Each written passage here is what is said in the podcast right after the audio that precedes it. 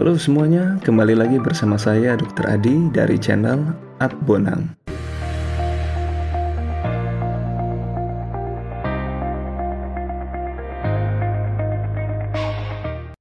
Dalam segmen curhat kesehatan kali ini, saya akan membahas kembali topik seputar COVID-19.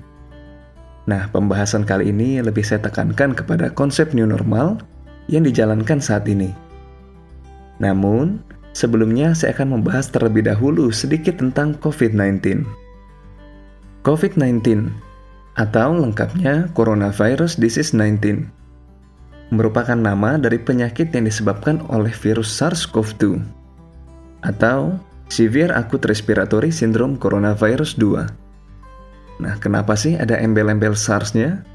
Karena nyatanya virus ini masih satu famili dengan virus yang menyebabkan SARS pada 2002 silam, namun memiliki strain atau rantai yang berbeda.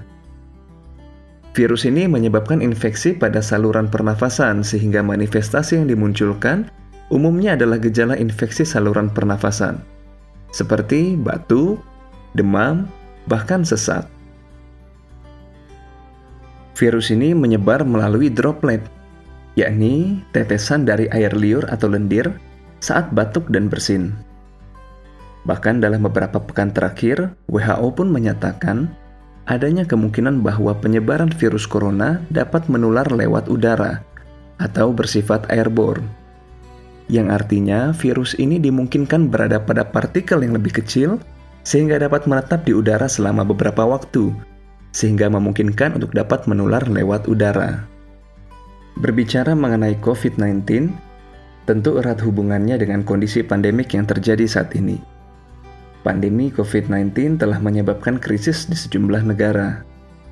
Bahkan hampir seluruh negara di dunia ini terdampak. Krisis yang terjadi bukan hanya krisis di bidang kesehatan, melainkan di bidang ekonomi sebagai efek domino.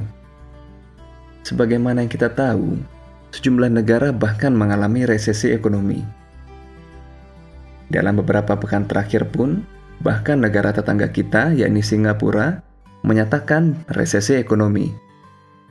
Nah, bagaimana dengan Indonesia? Sampai dengan konten ini dibuat, Indonesia belum mengalami resesi. Namun, apakah berarti Indonesia tidak terdampak secara ekonomi? Jawabannya tentu saja tidak. Bisa kita lihat sendiri dampak ekonomi yang terjadi di Indonesia. Ribuan, bahkan jutaan orang harus kehilangan pekerjaan karena di PHK oleh perusahaan. Tidak sedikit juga loh mereka yang memiliki usaha bahkan harus gulung tikar. Usaha yang saya maksud bukan hanya UMKM, melainkan usaha dari perusahaan-perusahaan besar yang bahkan tumbang karena terdampak dari pandemi yang terjadi. Melihat situasi seperti ini, maka pemerintah mengeluarkan kebijakan bagi masyarakat untuk istilahnya dapat hidup berdampingan dengan corona. Maksudnya adalah menjalani hidup dengan normal yang baru, atau dikenal sebagai the new normal. Lantas, apa sih sebenarnya konsep new normal dari pemerintah?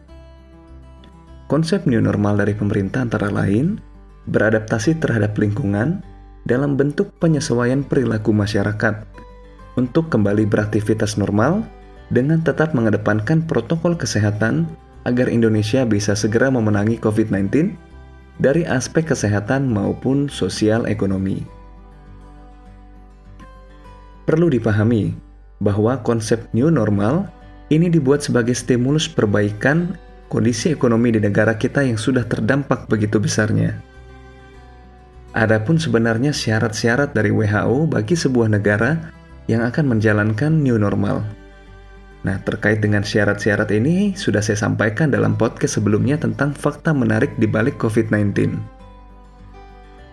Nah, di sini saya ingin menekankan bahwa jangan sampai ada yang memiliki mindset dengan dijalankannya konsep new normal berarti virus coronanya sudah tidak ada?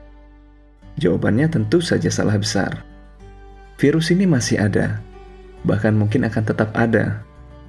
Saya mengambil data yang dirilis pertanggal 24 Juli 2020 oleh gugus tugas percepatan penanganan COVID-19.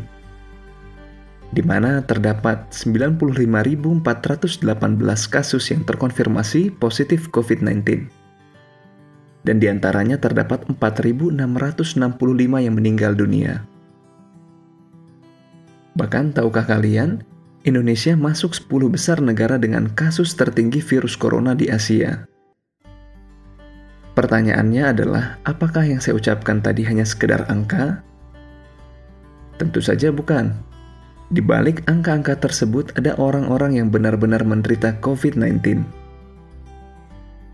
Bahkan di antaranya ada 4.665 orang yang harus kehilangan nyawa karena COVID-19. Jadi virus corona ini bukanlah sekedar ilusi, apalagi teori konspirasi semata, melainkan benar adanya. Jangan sampai kita termakan oleh berita-berita hoax atau teori-teori konspirasi yang tanpa didasari bukti ilmiah. Jangan sampai kita harus menderita COVID-19 dulu baru menyesal kemudian. Terlebih lagi apabila yang menderita COVID-19 adalah orang yang kita sayangi, akibat sifat apatis kita terhadap protokol kesehatan yang ada. Pandemi COVID-19 merupakan kondisi yang baru yang belum pernah kita alami sebelumnya. Sehingga wajar apabila ada sejumlah kebijakan dan juga penemuan-penemuan baru ke depannya. Selain itu, sifat virus ini yang memang highly infectious. Kemajuan moda transportasi yang memudahkan orang berpindah dari satu daerah ke daerah lain pun secara tidak langsung berperan terhadap masifnya penyebaran virus corona ini. Perlu Sobat Adbonam ketahui bahwa sampai saat ini tidak ada obat atau suplemen atau benda apa pun yang terbukti dapat mencegah kita terinfeksi virus corona. Nah, apabila muncul pertanyaan, sampai kapan sih situasi ini akan berakhir? Opini saya pribadi adalah kemungkinan besar saat vaksin nanti ditemukan. Tentu pembuatan vaksin membutuhkan waktu. Walaupun dari informasi yang ada, di mana Indonesia sudah menerima vaksin COVID-19 yang diproduksi dari Cina. Namun prosedurnya tidak semudah itu untuk diproduksi secara massal. Harus tetap ada serangkaian uji klinis di Indonesia. Sehingga sebelum vaksin disediakan, apa yang bisa kita lakukan?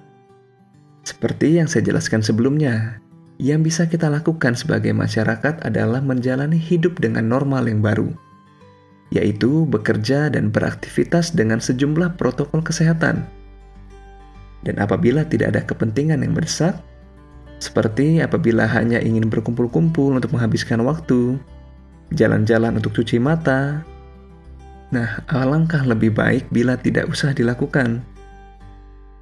Ingat bahwa pencegahan selalu lebih baik daripada mengobati.